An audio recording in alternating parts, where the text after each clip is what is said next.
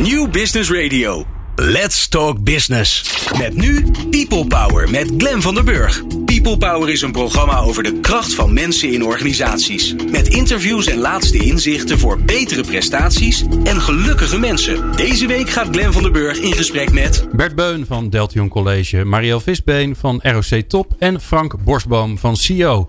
Het Nederlandse MBO is verantwoordelijk voor het opleiden van ruim 60% van de beroepsbevolking. De ontwikkelingen op de arbeidsmarkt gaan hard en ook de politiek stelt steeds nieuwe eisen aan het onderwijs. Hoe leid je mensen op voor de beroepen die er over een paar jaar heel anders uitzien of die misschien zelfs nog helemaal niet bestaan? Welke rol moet het MBO spelen in de omscholing van de bestaande beroepsbevolking? Nou, één ding is zeker: om voldoende kwaliteit te kunnen leveren, moet er steeds meer samengewerkt worden. We gaan in gesprek met Bert Beun, oprichter van het kwaliteitsnetwerk MBO en bestuursvoorzitter bij Deltion College in Zwolle. Marielle Visbeen is lid van het college van bestuur van ROC Top in Amsterdam. En Frank Borsboom is docent en programmamanager bij CEO. Deze aflevering van People Power maken we samen met CEO. CEO verandert u en uw organisatie met opleidingen en maatwerktrajecten over verandermanagement, organisatiekunde en leiderschap bij veranderingen.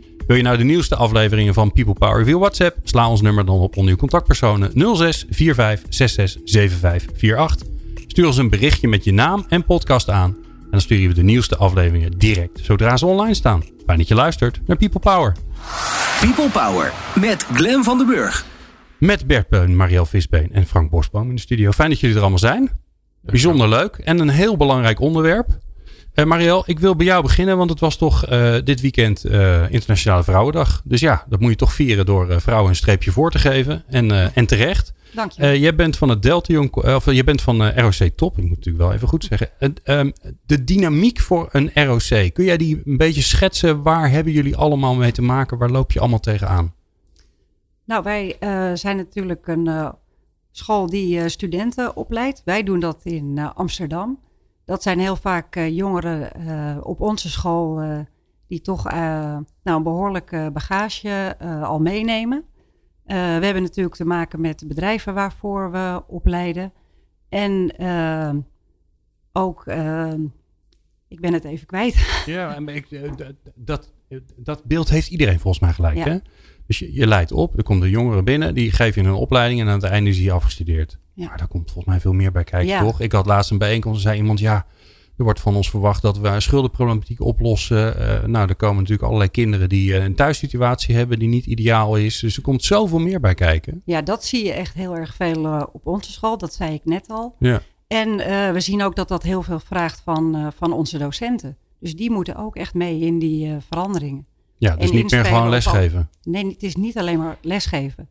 Eigenlijk is ook, nou ja, uh, de pedagogische kant heel uh, belangrijk en ook uh, de zorgstructuur in onze school. De zorgstructuur? Ja. ja dan moet je mij als leek even uitleggen wat dat dan is. Nou, dat gaat ook echt over het begeleiden van studenten. ze helpen naar school te komen. afgelopen weekend in de Volkskrant natuurlijk nog een artikel over wat er allemaal speelt op het Bindelmeer College. En bij onze scholen in Amsterdam zien we dat ook. Ja. Hè, kinderen die geen, of jongeren die geen ontbijt op hebben. En een van onze docenten zei pas in een programma op Radio 1 ook... ze komen soms makkelijker aan een wapen dan aan een stage. Ja. Nou, uh, nu al veel respect voor wat jullie doen. Bert, is, hoe is dat bij jou? Want uh, we, we, doen alsof alle ROC's hetzelfde zijn, maar dat is vast niet zo. Nee, ik herken daar wel uh, dingen die daar ook spelen. Maar ik, ik zou het ook wel willen zeggen, we hebben 17.000 mbo's die echt aan hun carrière werken. Die bezig zijn om ook de toekomst voor Nederland zeker te stellen in werk... Uh, en die uh, ja, heel gemotiveerd zijn om dat op te pakken. En het klopt dat uh, de hulpstructuren die je nodig hebt om iemand te laten meedoen en te laten excelleren, dat die steeds meer worden. En daarom ook steeds belangrijker dat docenten echt in teams opereren. Ja, en we verwachten ook nog met elkaar dat we dat een leven lang doen in een veranderende markt. En dat, dat zijn best veranderingen waar docenten, waar onderwijsinstellingen aan moeten wennen. Is dat nou iets van de laatste tijd? Hè? Want ik vind dat zelf nog wel eens irritant hè, dat, dat we tegenwoordig zeggen, nou er verandert zoveel, alsof dat vroeger niet zo was. Ik denk dat het vroeger uh, net zo is. Het enige wat, wat gebeurt is dat de, de, de snelheid van veranderen, ik denk dat daar wel wat in zit. En ook de verwachtingen die worden neergelegd om problemen die zich voordoen om die op te lossen, dat daar wel een versnelling in zit. En dat betekent ook dat je. Ja, dat... is dat een beetje de bol.com generatie? Hè? Ik, ik heb vandaag wil ik wat en dan moet het er morgen gewoon gefixt zijn. Dan moet het binnen zijn. Ja, ik weet niet of dat uh, alleen daardoor komt. Ik denk dat de, de samenleving waar we in zitten is natuurlijk veel complexer. we verwachten steeds meer van elkaar. En dat betekent ook dat je dat steeds sneller verwacht. Nou, dat, dat, dat zie je ook op een school, hè, want we zijn gewoon een afspiegeling van die samenleving. Uh, en dat betekent dat als je als docent voor zo'n klas staat, gaat het in eerste instantie natuurlijk om, om nou, kennis over te brengen, uh, studenten tot leren aan te zetten. Ja, en om dat te bereiken heb je een goede interactie met het bedrijfsleven nodig. Want als je tien jaar geleden een vak goed kende, ja, dat vak is nu totaal anders. Hè. We zitten nu in een studio, die zag er tien jaar geleden heel anders uit. Uh, digitalisering doet zijn intrede. Dat betekent voor onze teams bijblijven. En betekent ook voor ons anticiperen op het meegeven van vaardigheden. Waardoor ook een student, een, een jongere bij ons uh, begrijpt van ja, ik ben niet klaar als ik van deze school afkom. Het, het, het gaat een leven lang door. Mariel, zou je kunnen zeggen dat, dat jullie um, ooit eens opgericht zijn om mensen een vak te leren en dat je ondertussen bent om ze te helpen bij het opbouwen van hun leven? Is dat misschien wel de grootste verandering? Nou, je stoomt eigenlijk jongeren wel echt klaar voor hun toekomst. En die toekomst, ja, dat is echt tegenwoordig wel een leven lang uh, leren. Ja. ja. En neem ons eens mee, hè? want uh, grappig is, Bert zegt ja, we zijn een afspiegeling van de samenleving. Dat, hoor ik wel vaker mensen zeggen. En dan denk ik, ja, van de samenleving die je zelf kent. Uh, maar ik denk dat jullie ook veel tegenkomen van de samenleving. Het minder mooie, wat minder mooi is aan de samenleving. Of wat minder goed geregeld is in de samenleving. Wat jullie dan vervolgens maar op mogen gaan lossen. Dus, dus help ons eens even neem gewoon eens even één case. Eén per één, één iemand die je in je hoofd hebt. Die hoeft niet te zeggen wie dat is. Maar waar je zegt van nou, dit, dit is waar wij mee te maken hebben. Nou, wat ik toch overal zie is uh, jonge mensen die echt natuurlijk komen om aan hun uh, toekomst te werken. En dan heb ik wel een voorbeeld van een student, bijvoorbeeld in onze studentenraad. die nou ja, ook niet zo heel makkelijk binnenkwam. Maar dan wel met echt hele bevlogen docenten goede ondersteuning. En bij ons krijg je dan niet alleen een eerste kans, maar ook een tweede kans. Hè, die dan toch helemaal opklimt en een vak leert. Uiteindelijk uitstroomt met een uh, diploma op niveau 4. die kwam pas nog weer terug op onze school om dan ook te vertellen over hoe zij nu teruggekomen is of terechtgekomen is. Mm -hmm. En dat is dan echt wel een heel mooi voorbeeld. En dan zie je gewoon dat dat MBO echt super mooie dingen doet en mensen echt nou ja, voorbereid op hun toekomst. Ja. ja. ja. Dus ik hoor jullie eigenlijk zeggen, um, het, het vak verandert. Hè? Dus het, het, wat, wij, wat überhaupt van ons verwacht wordt als, als MBO verandert. Uh, datgene wat we aan onze studenten mee willen geven. Hè? Dus de kennis verandert heel snel. Um, uh, het werk waarvoor ze, ze klaarstomen, dat verandert. Um, wat de maatschappij van ons wil verandert. Nou ja, is er iets wat niet verandert? Wat, wat ik wel denk dat veranderen tegenwoordig echt de constante factor is. Ja, ja, dat hoor ik altijd heel veel ja. mensen zeggen. Maar, ja, maar dat is ook. Wij vinden zo. dat als mensen natuurlijk niet zo heel prettig. Want wij willen automatiseren. Er moeten ook wat dingen vanzelf gaan. En dan is het toch wel comfortabel. Ja, vanzelf gaan is misschien wat te veel gevraagd. Maar als je nu ziet dat uh, afgelopen weekend uh, waren de uh, skillswedstrijden om de andere kant van het MBO te belichten. Waar, en de skillswedstrijden zijn, zijn uh, ja, een, een Nederlands vakmanschap, uh, bloembinden, ja, ja. bakkerij, horeca, bouw, uh, welk vak dan ook maar. Hè. Er, er, waren bijna 50 wedstrijden. Waar je dan ziet dat in totaal aan de voorrondes 15.000 studenten meegedaan hebben om de excellentie van hun vak te laten zien. Nou, ook dat is de, de kant van het MBO. Hè. De trots laten zien. en die trots ook verbonden met het bedrijfsleven. Hè, want het, daar wordt geleerd wat het bedrijfsleven ook echt vraagt. Nou, dat je daar een rol mag spelen. Ik denk dat dat heel veel uh, docenten, heel veel instructeurs, teams ook echt de motivatie geeft om dat op te pakken. Ja, en daarbij zie je dat ze dat in, in best wel moeilijke omstandigheden doen. Hè? Met, met uh, tijdsdrukken die erop zitten, met uh, diploma-rendementen die gehaald moeten worden, om het maar, maar zo aan te geven. Nou, daar mag het MBO trots op zijn, want we hebben een hele lage schooluitval. We brengen veel mensen naar het diploma. En de slag van dat verder brengen uh, dat je het besef ook hebt van dat dat een leven lang doorgaat. Uh, dat, ik denk dat dat onze grootste ja. opgave is. Ja, en ik hoor soms nog wel eens mensen zeggen... ja, uh, het, het, het werk, alsof dat bestaat, op mbo-niveau gaat verdwijnen. En dan zeg ik altijd, oh, volgens mij gaan we zorgen dat wat administratief werk niet meer gedaan hoeft te worden. Maar volgens mij hebben we nog heel veel timmermensen... Oh, nou, denk elektriciëns, uh, noem maar op. ja, in de horeca. Zorg, uh, ja. Zorg, uh, nou, enorme behoefte aan heel veel vakmensen die, nou ja, dat soort mooie beroepen die heel belangrijk zijn voor ons leven. maar dat lijkt me ook lastig aan, aan jullie um, aan jullie vakgebied. Hè? We noemen het dan MBO en ROC, en allemaal heel groot. Mhm. Maar daar worden natuurlijk heel veel verschillende soorten mensen op verschillende vakgebieden opgeleid. En ook nog op verschillende niveaus. Ja. Ja, ja, want dat vergeten we ook nog wel eens. Hè? Dus, want of je nou opgeleid wordt op niveau 1 of niveau 4, dat maakt ook heel veel uit. Ja. Of dat je nou ja, binnenkomt op entree en je nog gaat oriënteren wat je daarna gaat doen. Ja. Nou, kortom, ehm, interessante uitdaging voor jullie. Eh, want jullie zitten in het bestuur van, eh, van die eh, grote organisaties. Met een prachtige maatschappelijke missie om onze jonge mensen een, een behoorlijke voor, voorsprong in het leven te geven. Wat vraagt het dan van de organisatie, Bert? Nou, het vraagt goed aansluiting met dat bedrijfsleven. Vraagt goed aansluiting met het vervolgen en het voorliggend onderwijs vraagt goede afstemming met uh, gemeentelijke overheden, om maar zo aan te geven. En de basis is natuurlijk gedreven teams die met elkaar zoveel kennis in huis hebben om van de zorgkant tot de excellentiekant en van de theoriekant op het pedagogisch didactisch goed in te richten. Uh, tot de kant van het verantwoord examineren en het in, in, in afstemming met het bedrijfsleven daadwerkelijk vormgeven. Om dat ook met z'n allen te kunnen doen. En dat, ja, dan zie je dat dat, dat ook uh, saamhorigheid in zo'n team brengt. Dus het, bouwen aan dat team, dat is denk ik het, het allermooiste wat er is. Ik vind jullie prachtig positief. Ik ga toch ook een beetje zeuren. Ik, het beeld wat een beetje bij me ontstaat is, is, een, is iemand die, um, die iets heel goed probeert te bereiken. Maar waar wel aan allerlei kanten getrokken wordt. En ook heel vaak de verkeerde kant op waarbij je eigenlijk inderdaad met je team wil zorgen dat je ergens gaat komen. Maar ondertussen uh, gebeurt er weer ergens een, een, excess in het land. En vervolgens gaat weer uh, de politiek van alles nog wat vinden. En roepen de Tweede Kamerleden. En komen er weer nieuwe regels.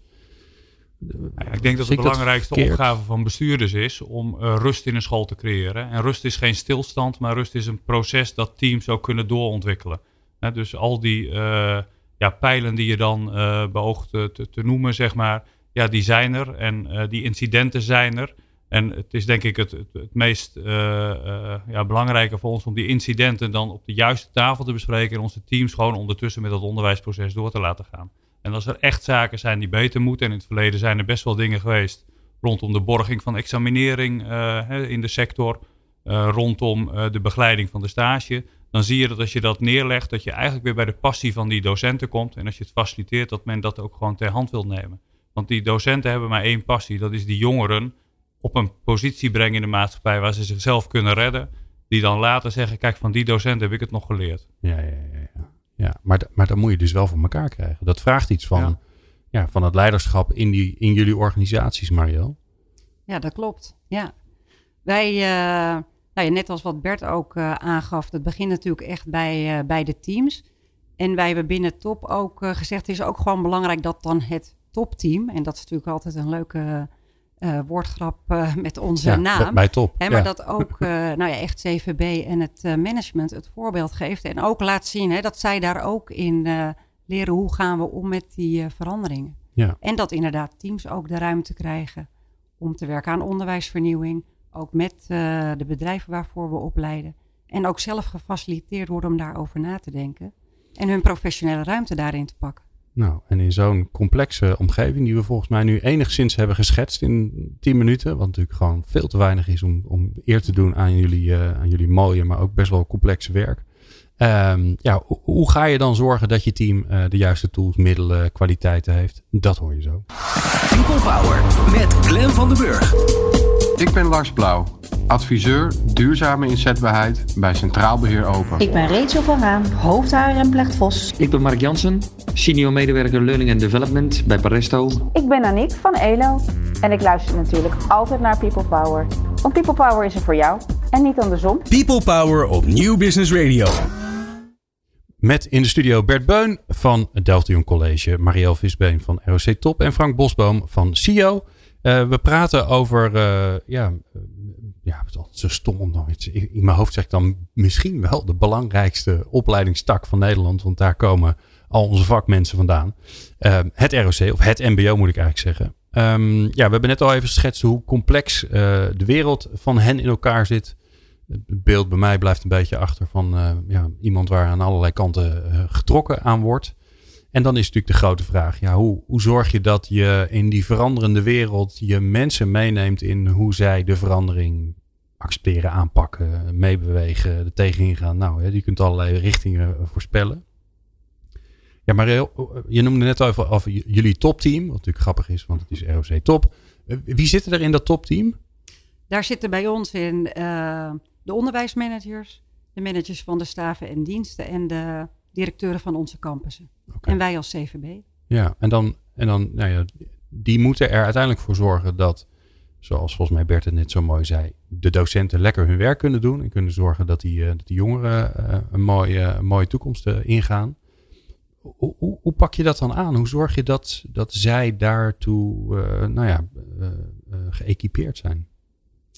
Nou, dat doen wij zelf door ehm, nou ja, ook een, een leertraject zijn wij ingegaan, een leiderschapstraject. Uh, waarin we echt nou ja, bespreken met elkaar hè, wat is onze stip op de horizon, en wat is er nodig om die teams te faciliteren. wij noemen dat ook wel van hoe komen die teams in positie en wat is daar dan ook voor nodig zodat ze kunnen werken aan onderwijsvernieuwing, verbindingen met het werkveld, co-creatie, co-productie. Ja. Dat zijn allemaal thema's die daarin langskomen en het gaat natuurlijk ook echt over jezelf hoe toon je daar zelf eh, leiderschap in en waar moet je dan zelf aan werken? Ja, want, het begint natuurlijk echt wel allemaal uh, ja, bij jezelf. Bij, jezelf. Ja, dus dat is wel de filosofie die erachter zit. Hè? Dat, dat dat persoonlijke leiderschap dat dat de basis is voor uiteindelijk wat er daarna komt.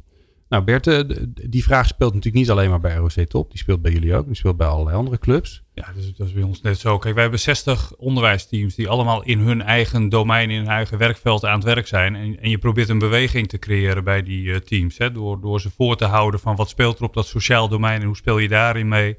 Uh, hoe ben je met initieel onderwijs bezig en hoe zorg je dat dat bij de tijd blijft. En hoe beweeg je op dat leven lang ontwikkelen? Nou, dat betekent dat je die teams veel handvaten probeert te geven, maar ook ze met andere teams in contact probeert te brengen. Want van elkaar leren is dan toch het beste. Hè? En dan, dat, probeer je te doen. En ik denk dat wij dat voorbeeld ook moeten geven. Dat is ook de reden dat we in het kwaliteitsnetwerk met elkaar ook uh, als bestuurders sparren over van ja, hoe gaat dat nou bij jou? Hè? En nou, daar is denk ik de laatste 10, 15 jaar wel echt een cultuurverandering. Van een macho cultuur, bij mij gaat alles goed naar een cultuur van hey, ik zit met deze dilemma's en uh, hoe speelt dat nou bij jullie? En dan ben je samen aan het kijken van hoe kun je van elkaar leren? Wat kun je dan weer meenemen? Nou, en, en sommige dingen werken dan uh, wel en andere dingen, ja, die laat je even liggen. Want die passen niet zo goed bij de manier waarop je dat zelf ziet. Ja. Maar dat leren van elkaar, ik denk dat dat, dat is wat we aan teams vragen. Dat is wat we in het kwaliteitsnetwerk ook proberen te doen. En ik denk dat dat hele mooie stappen zijn voor die ontwikkeling van die sector. Ja. Nou hebben jullie uh, uh, die vraag ook aan CEO gesteld. Want uh, jij bent er niet voor niks, Frank. Dat klopt. Toch? Hoe, hoe komt die vraag bij jullie binnen? Nou, nou in eerste instantie door eh, Bert en uh, zijn collega's. Um, ja, die het gesprek openen van, nou, dit is wat wij willen. Zouden jullie daar een rol in kunnen spelen? Ja. En dat duurt dan even een paar keer heen en weer praten. Een aantal keer ook formele presentaties gegeven. Maar op een gegeven moment is dan, is dan ja gezegd met elkaar. En uh, toen zat Bert in de eerste groep. Dan zaten we met, uh, met acht, acht, negen bestuurders bij elkaar. En toen hebben we echt met elkaar uitgepusteld van wat zou nou de manier kunnen zijn voor jullie om hier met elkaar te leren. Dus het is ook vrij open uh, hoe we er met elkaar in zijn gegaan. Omdat dat ook de vragen zijn waar, uh, uh, waar deze bestuurders mee zitten. Het is niet eenvoudig. Ze hebben heel veel aan hun hoofd. Het is ook super boeiend waar ze mee bezig zijn. Het is hartstikke relevant. Dus het zijn geen domme mensen. dus het zoeken is, is hoe kunnen we samen een mooie stap maken. Ja, het uitdagende lijkt mij dat als je, hè, zoals we al even zeiden, eigenlijk is alles in beweging. Uh, dat je een programma moet gaan maken. Dat je, uh, dat je met elkaar afspraken moet gaan maken. Oké, zo gaan we het aanpakken. Voor iets waarvan je eigenlijk weet. Ja, over een paar maanden is, kan de wereld er heel anders uitzien. Dus hoe doe je dat dan? Nou, in de eerste bijeenkomst hebben we dit op tafel gelegd. Zo van, nou, als dit dan de realiteit is waar we mee te maken hebben, hoe gaan we dat dan slim doen? En natuurlijk zijn er altijd wel een paar onderwerpen die zeker aan de orde zijn. Dus een van de dingen zijn al genoemd, dat gaat over de teams. En ze, ze geven allebei indirect leiding aan heel veel teams. En de zoektocht is dus van hoe kan dat beter? Want ja, daar, daar gebeurt het in de directe interactie tussen de docent en de, en de studenten. Uh, en als bestuurder hang je daarboven, maar heb je niet direct daar toegang tot. Toe. En nou, de vraag is, hoe doe je dat dan? Hoe, be, hoe beïnvloed ik dat dan? Oké, okay, en dat is een van de vragen die eigenlijk ja, die, ja. die centraal staat. En, en die, ja, die verandert in principe niet. Nee, en een andere is dus van, uh, als je niet weet wat er gaat gebeuren, kunnen we bijvoorbeeld een paar scenario's maken. Hoe werkt dat dan? Dus um, sturen in onzekerheid. Hoe, hoe, moet je dat doen? Ja. Het grappige is dat ik noem het zelf al een programma, maar dat is misschien een beetje beroepsdeformatie van mij ook weer. Dat is het misschien helemaal niet. Nou, dat was Dan. de eerste teleurstelling. Uh, toen we CEO één keer gecontracteerd hadden, toen kwamen ze eigenlijk gewoon met een leeg vel, om het maar zo te zeggen. Oh. Dan zit je met tien bestuurders en je, nou, wat gaan we doen? En Ja, terwijl geen wij, idee. wij dachten, nou, we gaan zitten en we worden keurig onderhouden. Aan het eind van de dag gaan we weg en dan een diploma klaar. Hè? Ja, en dan weten we wat het oude doen. leren. Ja. Hè? Maar je wordt echt helemaal geconfronteerd van, eh, nou ja, maar ook hoe diep wil je gaan? Hè? Waar wil je het over hebben? Hoe diep wil je gaan? Welke casussen neem je dan mee? Eh, hoe diep wil je die casussen bespreken met anderen? En durf je dat ook op dat moment? Hè? Durf je dus ook aan te geven van, joh, we zijn daarmee bezig, maar ik red dat niet. Hè? Dit komt gewoon niet over. En durf je dan daar met elkaar over door te praten, scenario denken uit te voeren en dan ook te kijken van, hé, hey, daar liggen goede ideeën, waardoor je weer een stap verder komt. En durf je dan een maand later, als het de volgende bijeenkomst is, ook aan te geven, nou, dit heb ik er in de tussentijd mee gedaan, dit ging goed, dit ging niet goed. Nou, die kwetsbaarheid die is echt nodig. Die vragen we van onze teams hè, in dat werken. En eh, nou, die moet je dan ook eh, zelf daar durven neerzetten. En nou, door dat niet alleen hoe ontstaat die dan? Want dat is natuurlijk maar. Dat kan wel heel Nou, blij de- zeggen. Ja, we moeten vertrouwen en openheid en kwetsbaarheid. Dat vindt altijd iedereen. Ja, nou die, die ontstaat natuurlijk doordat je A, eh, met, in, in- dit geval bij, zo'n kwaliteitsnetwerk al heel veel met elkaar aan het doen bent om te positioneren dat het MBO zelf de regie pakt. Ja. Maar dan zou je daar een heel verhaal over moeten vertellen waarom het ontstaan is enzovoort. Maar je bent bezig om, om die positie te pakken. Je wilt laten zien dat het MBO zelf in staat is om met elkaar lerende organisaties te zijn, bij elkaar te auditen om de kwaliteit omhoog te tillen. En dat wil je dan dat in je organisatie gebeurt. Nou, dan horen daar bestuurders te zitten die daar verantwoordelijk voor zijn, die dat voorbeeld geven. Nou, CEO heeft ons geholpen om die trajecten neer te zetten. En dat betekent dat je daar heel veel zelf aan invulling moet doen. Ja, en hoe ontstaat dat? Door ook elkaar toch redelijk goed te leren kennen. Eh, en daar ook te zien dat wat je daar bespreekt, dat het daar ook blijft. En nou ja, als je daar dan in een jaartraject met elkaar zit, dan ontstaat dat niet vanzelf. Maar je kunt het wel doen ontstaan. En ik denk dat CEO dat ook faciliteert. Ja, Frank, want ik, ik kan me heel goed voorstellen dat, dat eh, het elkaar goed leren kennen. eh, wat een soort basis is om überhaupt in vertrouwen, kwetsbaar met elkaar in gesprek te kunnen gaan. Hoe doen jullie dat dan? Hoe pak je dat dan aan? Want je weet dat, dat, dat je dat nodig hebt. Maar ja, ga het dan vervolgens nog maar eens doen. Nou, door in ieder geval aan te sluiten bij wat deze mensen heel erg drijft. Want eh, een van de dingen wat opvalt, ze hebben allemaal ontzettend hard voor bijvoorbeeld voor die studenten. Voordat het eh, onderwijs in Nederland beter moet en kan. En dat ze daar een bijdrage aan willen leveren. Ja. 60% van de werkende bevolking opleiden is gewoon veel en heel relevant. En als je langs die kant met elkaar de start maakt, dan ja, natuurlijk zijn er hobbels, soms is het spannend. Maar, ja, maar maar maak het eens concreet. Wat, Ja? wat, ben je, wat ben je gewoon echt gaan doen met elkaar? Hoe ga je wandelen? Ga je, ga je discussiëren? Maak je een kaartspel? Eh, wat ga je doen? Nou, in de, eerste, in de eerste bijeenkomst hebben we letterlijk het programma ontwerp, ontworpen. Dus hebben we de vraag gesteld van, eh, van wat, wat drijft jij? Waarom ben je dit werk gaan doen? En wat wil jij zelf graag leren? Door meteen vanaf de start daar open over te zijn. Mhm. En wij als programmaleiding daar ook open over te zijn. Van ja, wij weten het ook niet allemaal. En ja, natuurlijk krijg je soms een reactie dat mensen zeggen joh, maar dat is toch lekker makkelijk dat jij het niet weet. Daar ben je toch voor besteld? Zeg nou, hoe zit het dan met jullie in school? Dan werkt het toch ook zo? Dus daar, daar het gesprek met elkaar over te hebben... en elkaars professionaliteit erkennen... en zo stap je... en dus in dat gesprek ook het programma te ontwerpen... langs de kant van wat drijf je? Ja. En, en naast de, de vaste bijeenkomsten die we hebben gehad... Hè, waar de hele groep bij zat... waren er ook tussendoor ook nog eh, eh, leerbijeenkomsten, noemden we dan. Dat waren kleinere groepen waar mensen echt eh, ja, hun ziel en zaligheid op tafel konden leggen. Oké, kle- kleinere groepen. Ja, En waarom kies je dan voor kleinere groepen? Nou, omdat je daar dan ook echt het intieme gesprek kan hebben met elkaar. Dat is toch ingewikkelder met een groep van tien, als dat je dat met drie of met vier mensen doet. Ja, ja, ja. ja, dus dat is echt een soort ontwerpprincipe van Ja. hoe jullie de boel aanpakken. Ja. ja. Mario, jij hebt eh, ook meegedaan. Wa- Wat ervaar je dan? Is er, ja, laten we even teruggaan bij het begin, want dan gaan we straks wel weer verder het programma in. Wat, wat ervaar je aan het begin? Want je gaat erheen en dan krijg je eigenlijk te horen, nou, ehm, eh, zeg maar, wa- wat zullen we gaan doen? Dat is eigenlijk, dus je, je gaat op een uitje, je boekt, eh, je boekt een uitje en eh, de eerste vraag die je krijgt is, eh, waar gaan we eigenlijk naartoe? Dat is eigenlijk wel, wel gek. Nou, daarvoor hadden we gelukkig al wat huiswerk gekregen. Aha. En dat ging er natuurlijk over van, nou schrijf zelf eens eh, en je verander verhaal van eh, de opgave waar je voor staat. eh, en deel dat eh, met elkaar. En eh, wat ik ervaren heb, is dat je eigenlijk heel snel doorheeft van, oké, iedereen, hè, door die verhalen ook te delen, hè, zit voor een opgave en eh, nou ja, is daarmee bezig eh, binnen zijn organisatie. Ehm, dus heel snel heb je daar wel verbinding eh, op. En in die kleinere intervisiegroepen, nou precies wat Frank ook aangeeft, dan zit je natuurlijk langer bij elkaar. Wij hadden het in mijn groep zo afgesproken. Je gaat ook bij elkaar op bezoek. Dus dan krijg je natuurlijk echt ook nou ja, beeld en geluid bij. Van wat heeft mijn collega bestuurder voor opgave? Hoe is hij daarmee bezig? Dus dan ga je er echt even helemaal nou ja, in met elkaar. En wat zorgt er bij jou nou voor dat de deuren open gaan? Want je, je moet, het, wordt, het programma wordt natuurlijk gewoon, het moet weer een programma. Datgene wat je aan het doen bent, wordt natuurlijk sterk omdat jij gewoon echt zegt waar je mee zit. Wat je lastig vindt en wat je, wat je denkt, ja, ik krijg het gewoon niet voor elkaar. Dan wordt het goed. Het, uh, het gaat toch echt over je kwetsbaar durven opstellen. En nou ja, dat is natuurlijk toch eerst contact en kennis uh, maken met elkaar, horen van elkaar waar je mee bezig ben Jij, zit dat in jou? Kan je dat gewoon sowieso? Of? Bij mij gaat op een gegeven moment wel de knop om, als ik besluit om aan zo'n traject mee te doen. Uh, nou ja, door ervaring weet je ook wel van de, wat je erin stopt, komt eruit. Ja.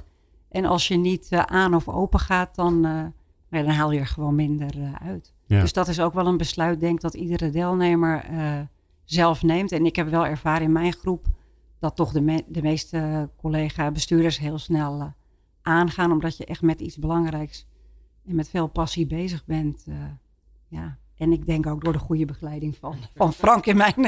In, uh, in ja, maar dat, kan, dat helpt natuurlijk ook. Hè? Dus ja. ligt, kijk, als je het van jezelf al hebt, is het natuurlijk mooi meegenomen. Zeker voor de begeleider is dat fijn als toch iemand al de deur open doet. Maar ja, het gebeurt niet altijd. Helaas. Toch, Frank? Nee, maar ook dat vind ik, daar heb je dan te respecteren. De respecteren. Wij kunnen uitnodigen. Uh, en wat Marielle ook zegt, je, je komt hier. En voor de meesten is het ook gewoon, nou eigenlijk voor iedereen, is het ook een soort vrije zone. Waar je eindelijk een keer niet, hè, als je de deur uitloopt, meteen aangeschoten wordt. En, de, en dat je een, een, een, een mening, mening moet hebben, ja. of een oplossing moet hebben. Maar ja. dat je gewoon even met elkaar over dezelfde dingen kan praten. Een plek waar je het even niet hoeft ja. te weten. Ja. Mooi. Nou, die plek waar je het even niet hoeft, uh, over hoeft te weten, daar gaan we het zo over hebben. We gaan zo eerst naar uh, de column van Aukje Nauta. En die gaat, uh, zoals jullie ondertussen, als je vaker luistert, vaak over schaamteloosheid. Want dat is het onderwerp waar ze bijzonder in geïnteresseerd is. En dit keer gaat het over schaamteloos integer zijn. Dat hoor je zo. People Power. Inspirerende gesprekken over de kracht van mensen in organisaties. Met Glen van der Burg. Aukje Nauta is onze columnist van dienst van vandaag.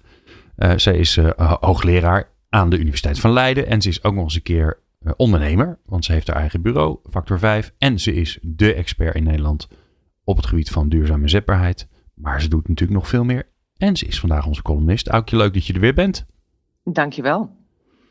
Ja, eigenlijk dat duurzame zetbaarheid, dat moet er een beetje af ondertussen. Hè? Want je bent onder... Eigenlijk ja, wel. Toch? Ja, ja want je hebt een nieuwe... Je met andere de, dingen bezig. Je hebt een nieuwe ja. liefde. Ja, ja, ja. Schaamteloze liefde. Schaamteloosheid, ja, inderdaad. En eigenlijk gaat de uh, column nu daar ook weer een beetje over. Ook al komt het woord schaamte er niet in voor. Nou, ik ben heel benieuwd. Ja, oké. Okay. Goed, stel, je deelt als jonge, veelbelovende wetenschapper aan de universiteit een kamer met een gelauwerde collega. Op een dag buigt hij zich naar je toe. Weet je wat ik gedaan heb voor mijn laatste publicatie? Ik heb 13 proefpersonen uit mijn dataset gegooid. Daardoor kreeg ik net wel bevestiging voor mijn hypothese. Kijk, zo doe je dat. Wat zou je in zo'n situatie doen? Zou je wat van zeggen? En aan wie? Zelf heb ik eens meegemaakt dat ik allemaal nare verhalen hoorde van promovendi over een hoogleraar F, met wie ik al lange tijd bevriend was. Zoals dat F onderzoeksgegevens van hen stal. Hij publiceerde artikelen met hun data zonder dat ze er zelf als co-auteur bij stonden. Toen op een congres in Chicago een promovendus huilend het zoveelste verhaal over hem aan mij vertelde en ik de dag erna tijdens het taxiën van het vliegtuig van hem een appje kreeg wanneer we weer eens de kroeg in zouden gaan, appte ik in een opwelling, nee, en het gaat ook niet meer gebeuren. Ik wil niet langer bevriend zijn met een abusive leader. Nadat ik het appje had verstuurd, zet ik voldaan mijn telefoon op de vliegtuigstand. Zo, dat had ik toch maar mooi gezegd. Deze en nog veel meer voorbeelden van wat er aan de universiteiten eigenlijk allemaal misgaat, niet gezegd wordt, oneerlijk is, onhandig gaat. Al die dingen poppen de laatste tijd regelmatig in mijn hoofd op. Dat komt door de theatervoorstelling Mindlab, die onlangs in première ging en momenteel langs de Nederlandse universiteiten toert. Mindlab is gemaakt door de theatermakers Radio Kootwijk. De voorstelling gaat over wetenschappelijke integriteit in alle mogelijke opzichten en de gesprekken die daarover veel te weinig worden gevoerd. MindLab heeft tot doel om die gesprekken wel op gang te brengen. Vorige week, toen MindLab voor het eerst aan de Universiteit Twente te zien was, lukte dat heel aardig. Na afloop van elke voorstelling gingen de bezoekers naar het MindLab Café. Daar praatte men aan kleine cafétafeltjes na over de voorstelling en schreef uh, men op wat er moet gebeuren om met z'n allen een veilig werkklimaat te bouwen. Maar, zo bleek, open en eerlijke gesprekken waarin je dingen aankaart zijn niet makkelijk. Hoe spreek je als jonge wetenschapper een gelauwerde collega aan die iets onethisch doet? Hoe voorkom je dat je dingen in een opwelling gaat zitten appen, terwijl je eigenlijk wel op je klompen aanvoelt dat het nul effect heeft? Want nog even over hoogleraar F. Toen mijn vliegtuig eenmaal geland was, checkte ik meteen mijn telefoon, zag de blauwe vinkjes, maar hij had niet gereageerd. Ik heb daarna nooit weer wat van hem gehoord. En toch, toch is het in situaties waarin je voelt dat er iets heel oneerlijks aan de hand is, beter om iets op een onhandige manier te zeggen of appen dan om niks te zeggen. Als het gaat om jezelf uitspreken, dan hoef je niet per se meteen de schoonheidsprijs te winnen. Waar het wel om gaat, is dat je blijft leren. Een veilig werkklimaat creëren is een kwestie van al pratend vallen en opstaan. Mooi houtje. Ik moet gelijk denken aan de aflevering die ik met, uh, met Plezant heb gemaakt. Want ze zijn ook bij mij langs geweest in de studio. Ja, ik uh, weet het, ja. Ja, en dat was inderdaad fantastisch. Ik ben ondertussen bij twee uitvoeringen van ze geweest. En daar sta je elke keer weer met uh, verbazing, verbijstering, kippenvel en een hele mix van emoties buiten. En dan snap je gelijk waarom het zo'n ongelooflijk ja. effectieve uh, interventie is. Absoluut, ja. Ja, het werkt echt uh, als een tierenlier. Ja, ja, dus ik snap jouw enthousiasme. Uh, mocht je nou denken, goh, die aflevering wil ik wel beluisteren. Dan moet je even naar onze website gaan, peoplepower.radio. En dan uh, zoek je op Plezant of Walter Super. En dat schrijf je gewoon als super. En dan vind je, vind je de aflevering waarin hij samen met um, de politie vertelt over ja, de, de aanpak die ze hebben. Ja. En ik dank jou natuurlijk enorm, Aukje, voor je mooie column. Ja, graag gedaan. Ja, oké, okay. Tot de volgende maand. Tot dan, dag dag. People Power met Glen van den Burg. Meer luisteren? people-power.nl Bert Beun van Deltion College, Marielle Visbeen van ROC Top en Frank Bosboom in de studio van CEO. Frank, um, ja, ik heb het, het is altijd leuk, hè, want ik moet tijdens de uitzending moet ik altijd bedenken wat de titel van de uitzending gaat worden. Dus dat is altijd een mooie uitdaging. En ik heb net opgeschreven een vrijplaats waar je het even niet hoeft te weten. Dus dat vind ik altijd heel fijn. Dus bedankt daarvoor, want jullie hebben die titel net met, voor mij bedacht. Ik zat mij wel te bedenken, dat is hartstikke mooi. Hè? Dat, je, dat je open begint. Dat je uh, de mensen die, uh, die deelnemen aan je programma, traject. Ja, ik durf er niet eens maar een naam aan te geven. Leergang. Leergang, ja. Op, ja, wanneer is het klaar? Want, want je begint aan iets wat heel groot is. Uh, het, het, gaat over de ontwikkeling van de, van de leiders, van de bestuurders die in, dat, in, dat, in, dat, in die leergang zitten. Ja, je moet ook een keer stoppen. Of ga je gewoon je leven lang door met deze mensen?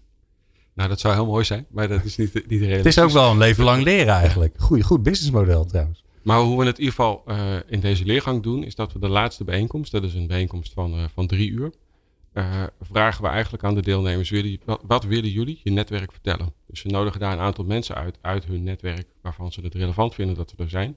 En ze vertellen daar wat ze zelf belangrijk vonden. Oké, okay, dus dan vertellen ze eigenlijk, je krijgt een soort verhaal over wat heb ik de afgelopen tijd uh, in die leergang ja. meegemaakt, geleerd, meegenomen. Ja, en, en, in de leergang waar Bert in zat, ging dat uh, heel erg ook, onder andere over kwaliteit. Hebben we drie onderwerpen gedaan.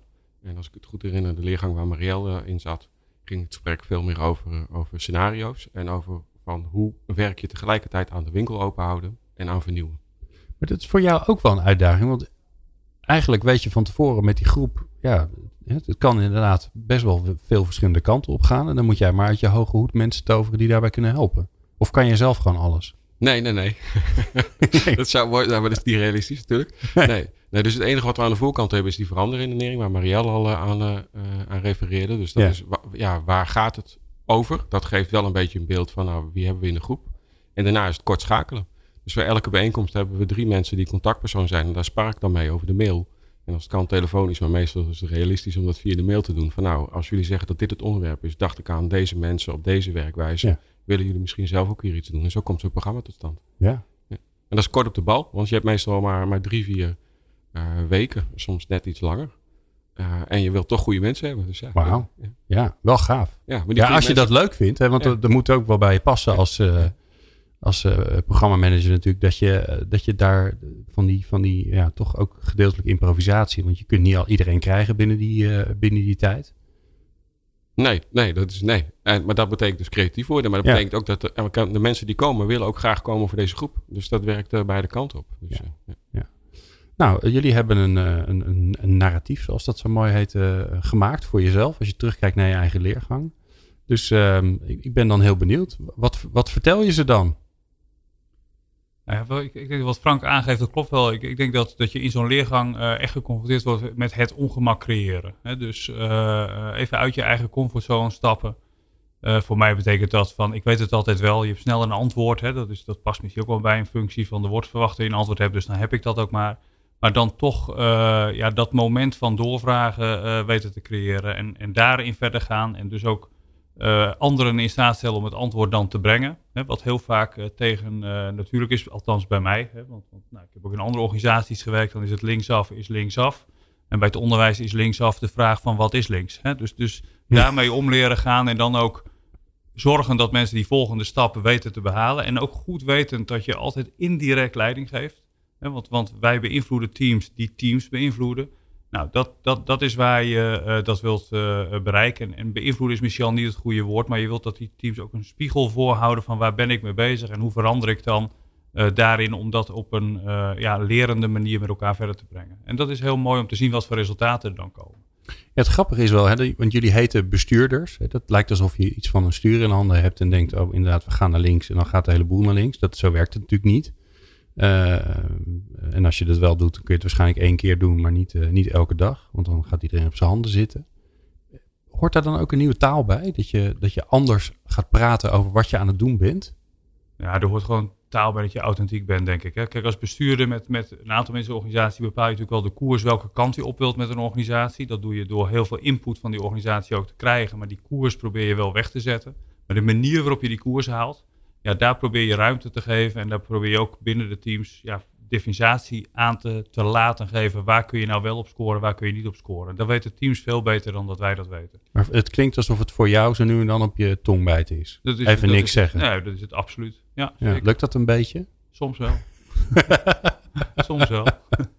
Hoe zorg je ervoor dat je daar scherp op gehouden wordt? Want als het zo in je natuur zit om, om, uh, om het inderdaad te weten, om te sturen, om richting te bepalen, snelheid te maken. Ik denk dat, dat die laatste bijeenkomst is daar wel mooi in. Hè? Want je wordt uh, geacht mensen uit te nodigen uit je eigen organisatie. Die je vertelt wat je leerpunten daarin zijn en hoe die zaken zijn. En die mensen uh, die moeten een veilig klimaat voelen. Dat ze zeggen van joh, weet je nog dat je daar was en toen zei je dat. Ja. Nou, dat, dat is nodig. En het tweede, dat is ook wel in je organisatie dat ongemak creëren. Bij, bij ons in Delsion hebben we dat gedaan door baanbrekers te introduceren.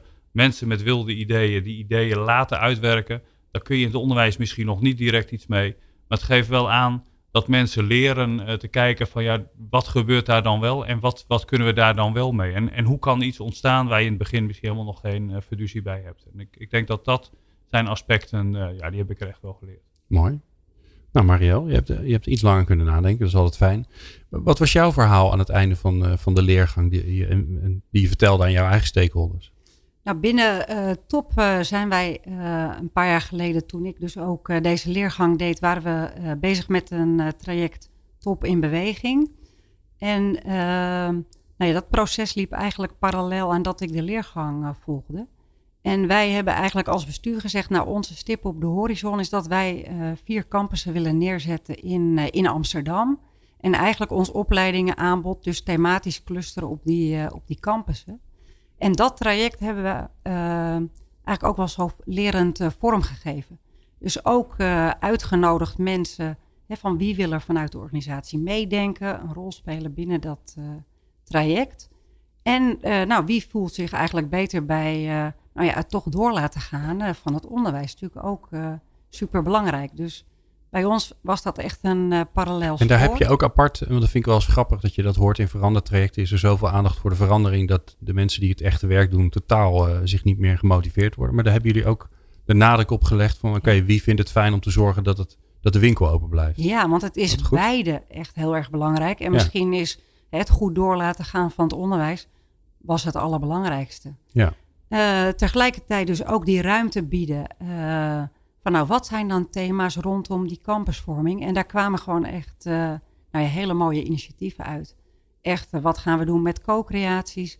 Wat gaan we doen met onderwijsvernieuwing? er is een hele beweging op gang gekomen die ook de digitalisering binnen onze school een nou, grote impuls heeft gegeven. En dat, ja, dan gaat het echt over nou ja, ruimte geven en ook zorgen dat er gefaciliteerd wordt, zodat er natuurlijk ook wel voortgang geboekt wordt. Maar ook echt soms even dat ongemak ervaren en uh, nou ja, het ook even durven niet te weten met elkaar. Ja, ja. Dat, dat blijft toch bij mij, het komt misschien ook omdat ik het zelf genoemd heb hoor. Dus ik zit ondertussen heel hard te denken of ik niet mijn eigen werkelijkheid aan het creëren ben. Maar dat, dat hoor ik jullie toch terugzeggen dat, dat het niet weten met elkaar, uh, het voelt alsof dat ruimte geeft aan anderen om mee te helpen die anders misschien uh, niets hadden gedaan. En vooral ook het ruimte, het ruimte bieden uh, nou ja, voor initiatieven die er zijn. Uh, wij hebben ook met studentarena's gewerkt, met werkveldbijeenkomsten. En ja, soms zijn er zaken waarvan je van tevoren, ja, ik misschien stiekem dacht van, nou ja, ik ben heel erg benieuwd nou? wat daar, ja, moet dat nou? Of ben benieuwd wat daarvan terechtkomt. Ja. En uiteindelijk was dat dan een grote driver binnen dat hele verandertraject. Ja. Dus het heeft echt wel degelijk zin om ook te experimenteren, ruimte te geven. En ook met elkaar soms te zeggen, oké, dat daar stoppen we nu weer mee, dat uh, werkt niet. Ja. ja. dat hoort er ook bij. Dat, dat vergeten we nog wel eens. Bij, dat er heel veel geëxperimenteerd wordt, maar we stoppen nergens mee. En als een experiment, als, een experiment als uitkomst heeft van dat het niet gelukt is, is dat ook een goede uitkomst. Ja. Ja. En is het niet mislukt. Mooi. Um, ja, een beetje een gekke vraag misschien, uh, Frank. Maar als, je, als mensen nou collega's van, uh, uh, van Marielle en Bert aan het luisteren zijn, denken, nou, dat, ik, ik, moet, ik, heb ook, ik moet ook zoiets gaan doen. Ik wil daar iets gaan doen. moeten ze dan bij het kwaliteitsnetwerk zijn? Kunnen ze jullie bellen? Wat is handig? Het kan allebei. Dus de, okay. deze opleiding staat op de website van het kwaliteitsnetwerk. en via CEO zijn ze ook gewoon, kunnen ze ons benaderen. Ja, en is er nog plek? Of uh, ben je over twee jaar de eerste? Nee, nee, nee. Er is altijd plek. Want er is altijd plek? We, oh. we starten altijd met kleine groepen. Dus als een groep weer compleet is, dan starten we gewoon. Ja, ja. Oké. Okay. Mooi. Ik dank jullie zeer en ik wens jullie ongelooflijk veel uh, plezier, want dat straalt er vanaf. Ik, ik, merk dat ik het zelf meer problematiseer dan dat jullie dat doen. Jullie ja. zeggen, nou ja, het is gewoon hartstikke leuk om te doen. Uh, dus ik ben blij dat jullie daar, uh, daar zo ja. luchtig naar kijken. Ik wens jullie ongelooflijk veel plezier en succes met jullie mooie werk. Bert Beun van Delta Jong College, Marielle Visbeen van ROC Top en Frank natuurlijk, Frank Borsboom van CEO. Dankjewel. Dankjewel. Um, in de volgende aflevering van People Power, want die hoor je straks alweer over een paar minuten, is Jolanda Sapelli te gast. En het leuke is van onze nieuwe studio, die kun je, we kunnen tegenwoordig onze gasten aanzien komen lopen, dus ik weet zeker dat ze er is.